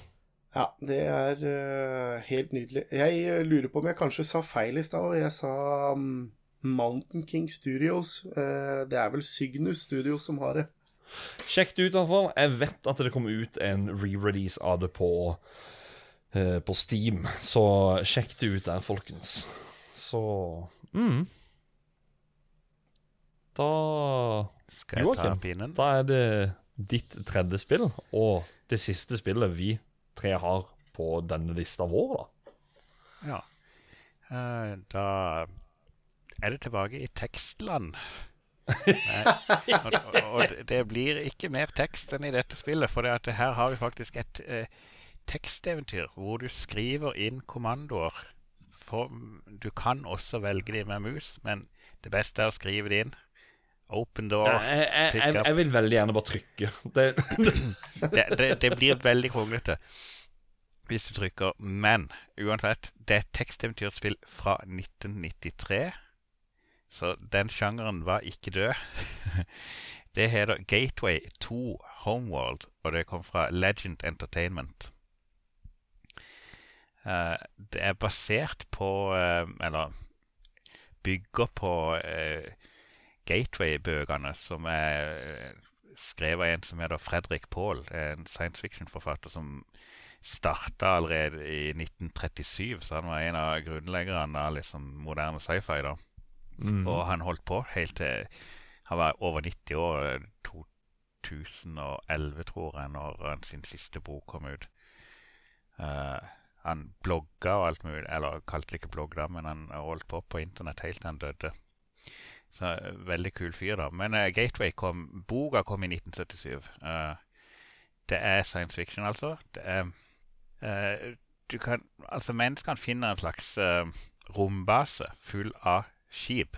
De utforsker eh, solsystemet vårt, da. Eh, Men de skipene kan de ikke kontrollere direkte. Isteden så må de rett og slett eh, sette inn Det er sånn liste med koordinater som de bare trykker inn. Nå skal jeg gå til den koordinaten. Og så er det egentlig bare et lotteri. For kommer du ut midt i et sort hull? Ja, kanskje. Kommer du ut med et sted som det ikke er noen ting i det hele tatt? Sannsynligvis. Men kanskje du kommer ut med et sted hvor uh, det kanskje er en planet med liv, som man kan liksom lage nye kolonier og alt mulig.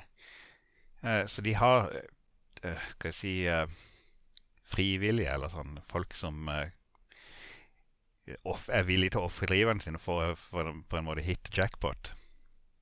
Uansett, Gateway 2 det er mer sånn eh, da ender du opp med å komme til slutt til for det heter Homeworld, da kommer du til hjemverdenen til den rasen som hadde denne her eh, eh, basen i utgangspunktet, og finner ut av hva det var egentlig de holdt på med, hvorfor de har stukket av, alt mulig sånt. Eh, Jeg skal ikke spoile så mye om historie, egentlig. Jeg skal ikke spoile så mye om spillet generelt, men hvis du er villig til å spille et eventyrspill som er basically bare tekst, så vil jeg anbefale det, for det har helt eh, geniale gåter. Og det er ordentlig velskrevet. Og når du spiller et sånt teksteventyrspill, så det, gir det en ekstra tilfredsstillelse, føler jeg, da, i forhold til pek og klikk-spill. Når du løser gåtene. For da er det på en måte du som kommer opp med ideen helt fra, du, fra grunnen av. Du trykker ikke på noe sånn juice, eh, dings på dings. Du liksom må komme med det fra Det blir du som på en måte eier løsningen. Mm. Så det elsker jeg med det spillet. For det er Altså Noen av de er jo veldig dårlige, sånn teksteventyrspill, og du skjønner ikke hva du skal gjøre. Men her er det veldig flink til å på en måte guide deg i riktig retning med å gi deg akkurat den informasjonen du trenger til å løse gåten, samtidig som du sjøl føler at det, her var jeg skikkelig smart. Så Høres jo ganske kult ut. Ja, altså, det er, jo, det er jo det som er altså, sånn, Jeg syns jo det er synd. Jeg, jeg, jeg er nødt til å poengtere det. at Det er jo det jeg mener med, med at det er mye tekst. Det er, ikke, det er ikke det at jeg mener at å, da er det et drittspill. Jeg mener jo altså mye tekst det er jo tegn på at et spill faktisk kan være veldig bra. Det er jo meg sjøl, når det kommer til det å sette seg ned og lese, f.eks. All denne teksten er sånn der Å, det, det, det, det, orker jeg. Altså, Jeg er ikke noen fyr som har lest bøker eller noe sånt, men jeg syns bare sjangeren i seg sjøl høres jo kjempekul ut. Og, og, og det er også sånn, sånn sånne adventure-spill, tekst-adventure-spill Jeg har jo absolutt kunne tenkt meg å prøve det, men uh, jeg tror bare ikke jeg hadde vært tålmodigheten min hadde sagt uh, ja. Men, men uh, Nei, jeg, jeg, jeg, kan absolutt skjønne at de, de er kule. Mm. På mange måter. Jeg ser for meg det her at det, det her er spillet for de som er glad i å lese bøker. Mm. Og, og jeg, i, i dette her òg har jo jeg sittet og kikka litt på i forkant. Og det ser jo kjempegjennomført ut. Og de bildene som kommer opp med altså det du det, Fargepaletten og det det, det det, ser så sinnssykt kult ut. Uh, Jeg, jeg, skjønner jo at det, dette er ikke for meg, denne type spill er ikke for meg, men det ser så bra ut, og det ser så gjennomført ut. Ja, ja for det er jo viktig å understreke at det, det er jo disse bildene òg. Og det er jo ja. sånn Altså mellomsekvenser og, og sånt. For det, som sagt, det er jo fra 93. Ja. ja. Ja, jeg har sett på sjøl. Grafikken på disse bildene er jo faktisk til eh, 93 å være, så utrolig bra, altså. Ja, det er, uh, det er ganske kult. Virkelig. Ja.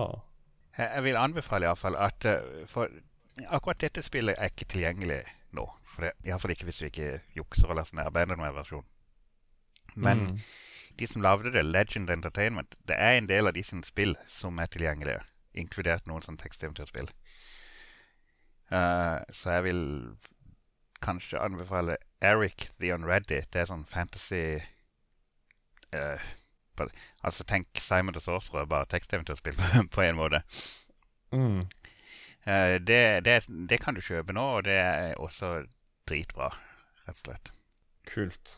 Kult. Vet dere hva? Jeg tror rett og slett vi er kommet til det punktet nå hvor vi skal si at uh, vi har snakka nok om våre spill. Nå var det Gateway 2 på slutten her. Tidligere var det Raptor The Call of the Shadow, Pizza Tycoon, Star Control 2, The Incredible Machine 2, Lykkenis, uh, Hidden Agenda og Jones in the Fast Lane. Jeg tror vi skal hoppe over på både Discord og Facebook og se hva lytterne har å si.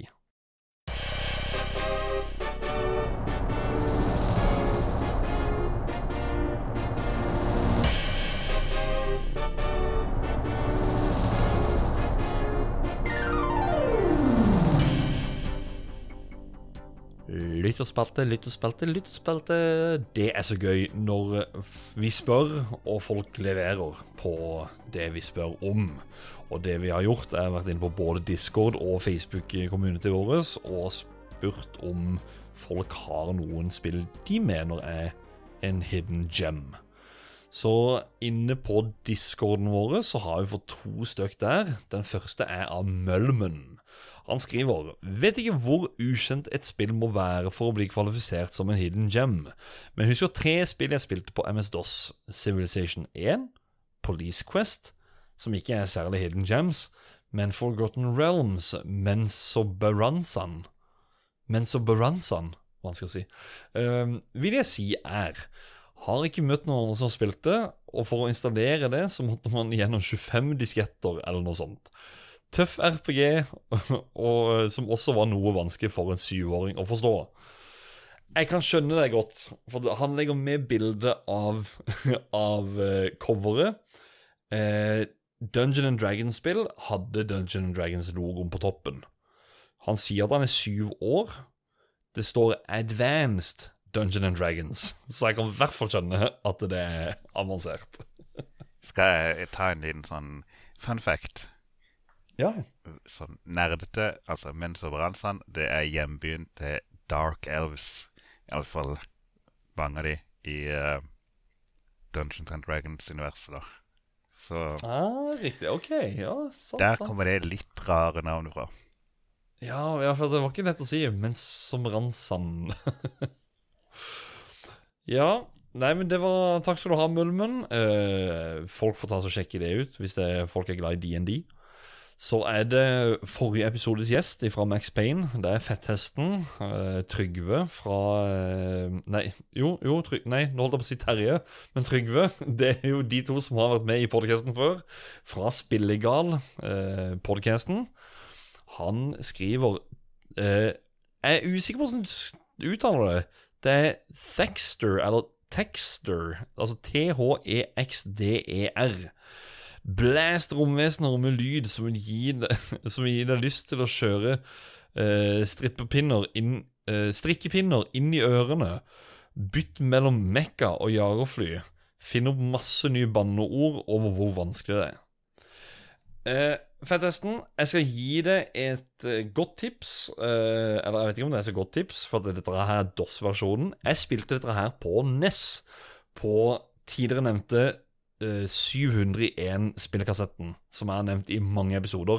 Der var det spillet, og det var dritkult at du kunne gå ifra å være mekka til å bli et jagerfly. Og jeg husker musikken var kul. På DOS Jeg kan ikke relatere eller si noe om det. Det er Så, blod, blod i øra kan beskrive det ganske bra, tror jeg. ok, ja. NES- NES-versjonen, helt OK. Ja, men eh, det var i hvert fall uh, Fettesten og Mølmen inne på Discord. Vi hopper over til Facebook, og her skal jeg ha hjelp av dere to til å lese opp. For vi har fått hele 18 kommentarer til sammen. Kan jeg starte? Så Ivar- Kan jeg starte?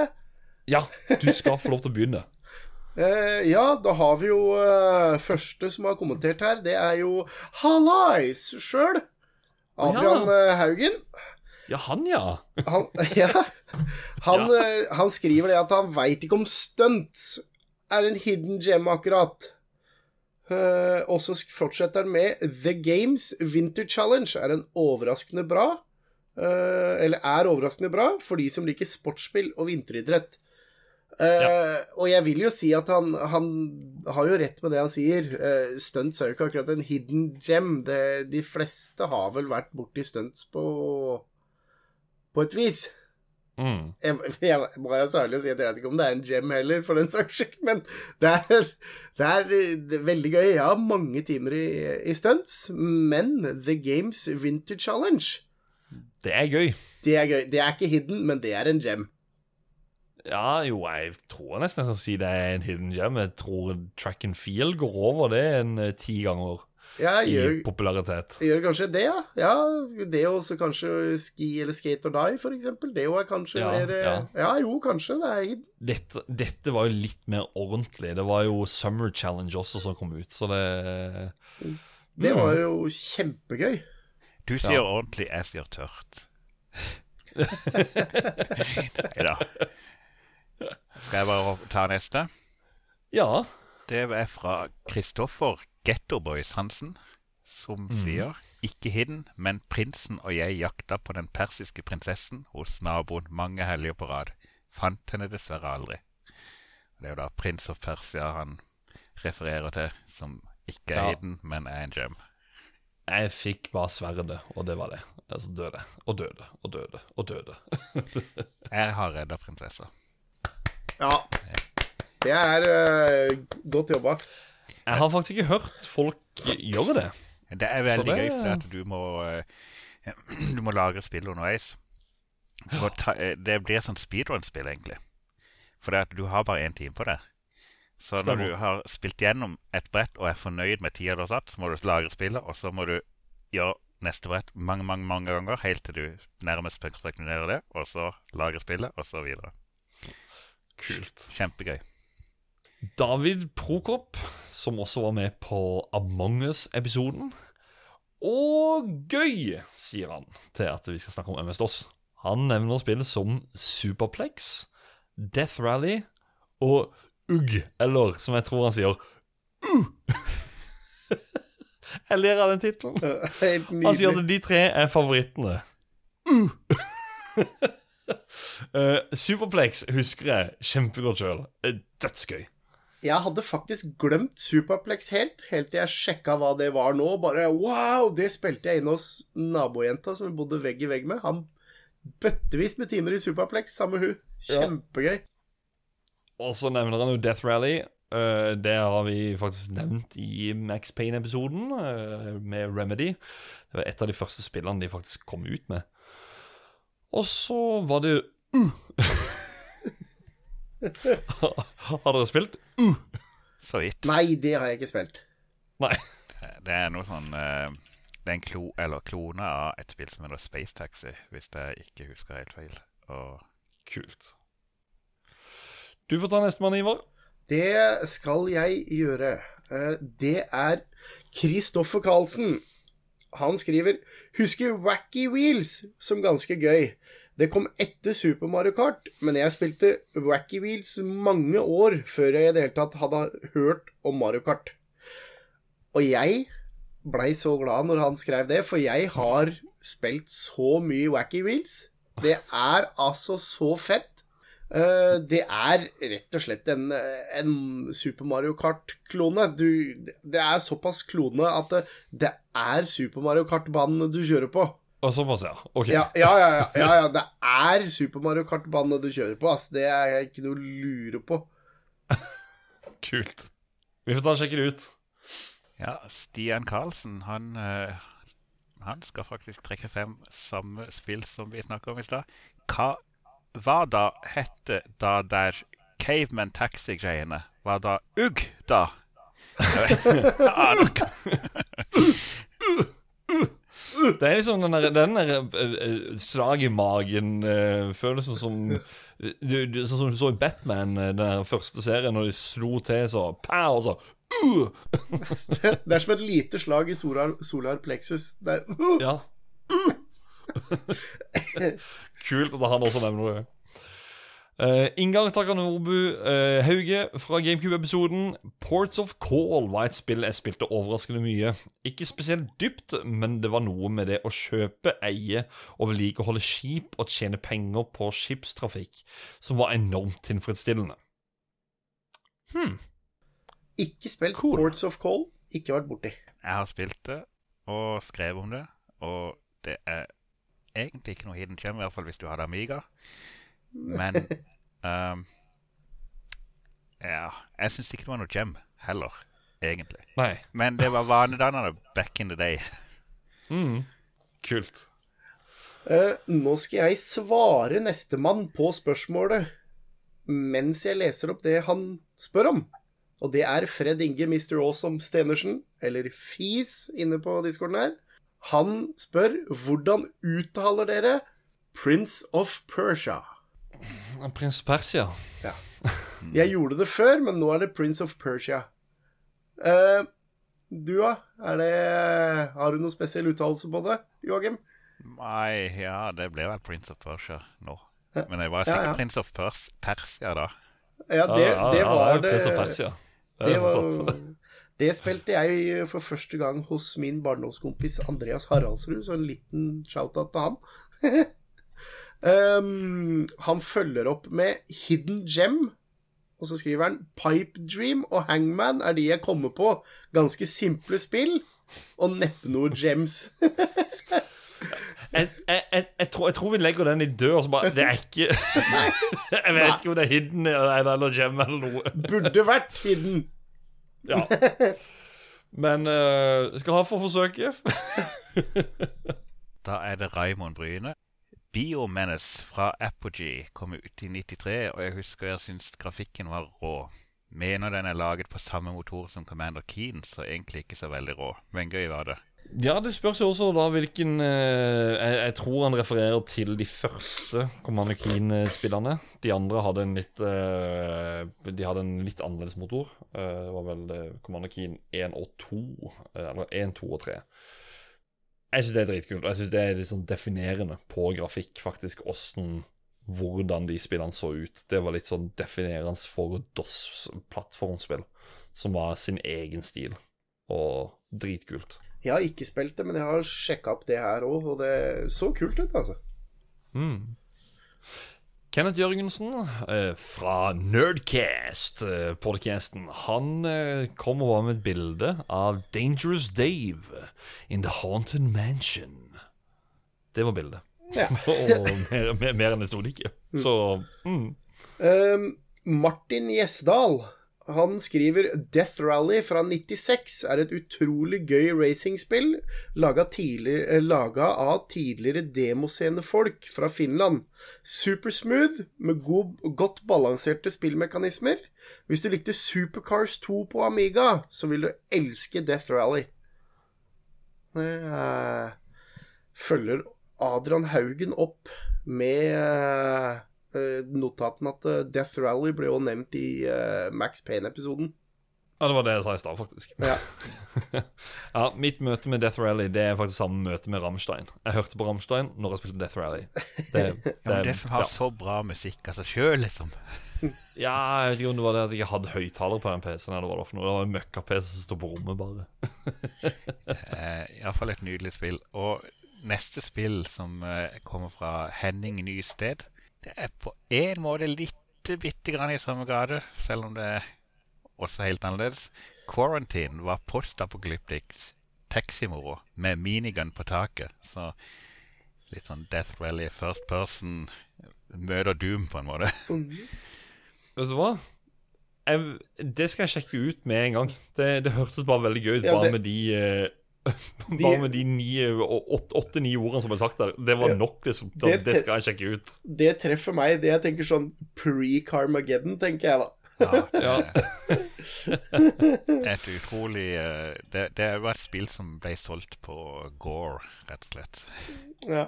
Ja, kult, kult. Ja, så har vi mannen fra Radcorp Tower i Stavagas. Jo Jostein Hakestad fra Radcrew. TFX og Eurofighter 2000. To fly, eh, flysimulatorer som jeg sikkert brukte flere hundre timer på til sammen. Jeg har ikke spilt eh, noen av dem, men eh, Ikke som jeg husker. Eh, jeg har ikke fått rekke å sjekke opp de to der, om jeg drar kjensel på det, men jeg, jeg husker ikke sånn på stående fot. Altså, jeg gjør ikke det. nei. Jeg har spilt TFX litt. Jeg mener det var et av de første flysimulatorene som, hadde- som jeg spilte, som hadde litt sånn eh, teksturert eh, grafikk. Kult. Artig at to eh, flysimulatorspill ble, ble nevnt her. Ja. Og så Mm. er det Magnus Eide Sandstad. Han poster bare bilde av Titus Fox. Uh, det er uh, ikke noe jeg kjenner til i det hele tatt. Det er maskotten eh, Titus eh, Fox. Altså, det, det er jo en maskot til uh, spillselskapet Titus, tror jeg. Ja. Nei, men det, det jo ser jo helt uh, nydelig ut. Det ser jo kjempe, kjempefint ut. Mm. Så ser det ut som alle andre sånne typer spill du, spill du har spilt før. Ja. uh, minner veldig om uh, Chippendale. Ja. kult. OK. Uh, Ralf William Numelin som sier Street Rod gikk det voldsomt mye tid til. Men det er vel bare en gem. Den er ikke Ja, hidden. det er bare en gem. Den Det var var. Ja, en av de spillene spilla jeg vurderte å dra med inn her, men uh, utelukka det på grunn av ikke gem, og at jeg hadde noen andre rare kandidater å dra med. Mm. Av ikke hidden, mener du vel? Du Ja, sa ik- ikke gem. Unnskyld, ikke hidden, ja. Ja, ja ikke hidden. Det er en gem, mega-gem. ja, gem er det. Av mange Ja, ja, ja. timer i Street Shot. Kjempekult. Mm. Og da er det sistemann ut. Det er Pål Ivar Hatlebø Svendsen. Han skriver Jeg likte spesielt godt Hugo og Jazz Jackrabbit når jeg vokste opp, i tillegg til Lemmings og Worms. Etter hvert fikk jeg The Lost Vikings og Syndiket også, om dere kjenner til. Eh, det er seks spill som ikke er hidden, men de er alle sammen gems. Ja. Det skal sies, det var litt gøy, da. For Jazz Jackrabbit var jo et av de spillene jeg leste opp helt i starten, som sa at uh, det er sånne spill vi ikke kommer til å snakke om i denne episoden, her, for det er gems. Nei, det er godt at lytterne kommer frem med, uh, med spillene også, og det er jo litt sånn bevegelig uttrykk, da. Hva er en hidden gem? Eh, det, jeg tror det er litt sånn personal point of view på, på hva som er eh, skjulte skatter. Ja. Eh, jeg har spilt mye Jones, som Ivar nevnte, men det er ikke nødvendigvis alle andre som har spilt mye Jones. Det er Kanskje ikke folk engang har spilt Jazz Jackrabbit. You- Who knows? Det har ikke jeg. Nei. Nei, ikke sant? ikke sant? Ja, ja. Det, plutselig så var det Oi, det var jo en skjult perle, det. Hmm. Men ja, vi er ved veis ende. Eh, lista over spill som kan sjekkes ut, er lang. Episodens eh, tidslinje er også lang. Vi har kommet til stedet hvor dere to som eh, gjester skal få lov til å plugge. Eh, hva burde folk sjekke ut? Vi kan begynne hos deg, eh, Ivar. ja. Eh, Jeg mener jo det at folk burde sjekke ut discorden her, jeg. Ja. Det mener jeg. Eh, Kom dere inn, slå dere ned. eh, Hopp inn i et, eh, et eh, skravlehjørne eller et spillerom. Nå kommer vinteren, den kalde mørketida. Sett dere ned, gikk en øl, en brus, et eller annet, og bli med på moroa. For nå blir det mer samling på kveldene framover. Tror og håper jeg, som så Mm. mange år tidligere. Og det er så gøy. Og vi vil ha med deg. Det er kos. Ja. Veldig, veldig, veldig kos. Og du, Joakim? Jeg hadde egentlig ikke forberedt meg på noe, men eh, jeg kan jo fortelle at jeg var på et arrangement her en dag. Spillmesse 2023 i Kristiansand. Og det var ja! helt genialt. Jeg vet ikke om noen av dere har hørt om det, men det, det, det var dritkult. Og jeg tenker at uh, når spillmesse 2023, 2024 kommer, så må alle sammen møte opp. Ja, jeg kjenner til han ene arrangøren der, Jens Olav Bakland. Og så Ja. meg sjøl, da. He-he-he. Og ei lita spillmesse som vi arrangerte i Kristiansand. det. Dere gjorde der en helt fantastisk jobb. Det, det Ja. må jeg med hånda på hjertet si. Det var nydelig. Ja, jeg kan ta og bekrefte her uh, i podkast. det, er ikke- det er ikke lagt ut offentlig enda, så dere som hører på, i hvert fall dere to som gjester her nå, er de første uten som får lov til å høre datoen. Neste år så er det 19. og 20. oktober. Vi skal bare få bekrefta det 100% nå, Travparken. Så kanskje det blir en annen dato, men eh, i hvert fall vi sikter oss inn på 19. og 20. oktober 2024. Så uh, mm. Det høres bra ut. Ja, og da må jeg gjøre sånn som vi pleier å gjøre. At hvis dere har lyst til å kjøpe noe deilig merch med en hettegenser, en T-skjorte og alt mulig Jeg går jo rundt med en T-skjorte nå som jeg er veldig glad i, som det står 'Hallais', eh, som Adrian har fått eh, designa. Eh, kan sjekke det ut på Spreadshirt-butikken vår. Link til det er i episodebeskrivelsen. Og så har vi en Facebook-side, vi har også Facebook Community og Discorden, som eh, Ivar nevnte. Link til det er også i beskrivelsen her. Så har vi noen samarbeidspartnere under det vi kaller Lolbua Inc., som er Lolbua, det er Ragequit og Likos univers med gjedda. Og Joakim tenkte jeg kanskje skulle plugge dette her sjøl, men vi setter alltid veldig stor pris på det, Joakim, for at du lager en artikkel om episodene som vi eh, gir ut, og som du da skriver inne på spillhistorie.no. Som jeg sa i begynnelsen av episoden, at eh, ikke bare er du skribent der inne, du er også sjefen der inne. Rett og slett. The boss.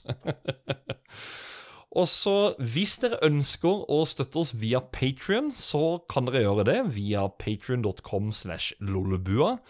Da har vi i spill en egen tier som heter Nachspiel, hvor vi eh, ja, rett og slett prater om litt spill. Hva gjør vi for tida? Eh, ja, bare som et all slags type nachspiel, og bare, bare preker løst om alt mulig rart. Og litt sånn bonusepisoder når vi er på tur til f.eks. retromessa, eller ja, mye annet. Eh, ellers kan dere være med på festdeltaker-tieren, eh, og da får dere tilgang til Roffelbua, som er alle oss i Lollebua-paraplyen. Lollebua Inc. Og nå vinker Ivar. Epic Pinball, Big Red Racing og Rise of the Triads. Siste plugging på slutten der. Det var ekstra spill som skulle blitt Kom ikke helt med. Nei. Det var noen ekstra spill på tampen her. Sjekk ut de også. Eh, tusen hjertelig takk for at dere hørte på.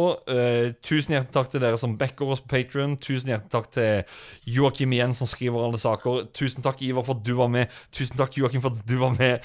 Uh, takk for alle lytterbidrag. Og én, to, tre Ha det! Ha det.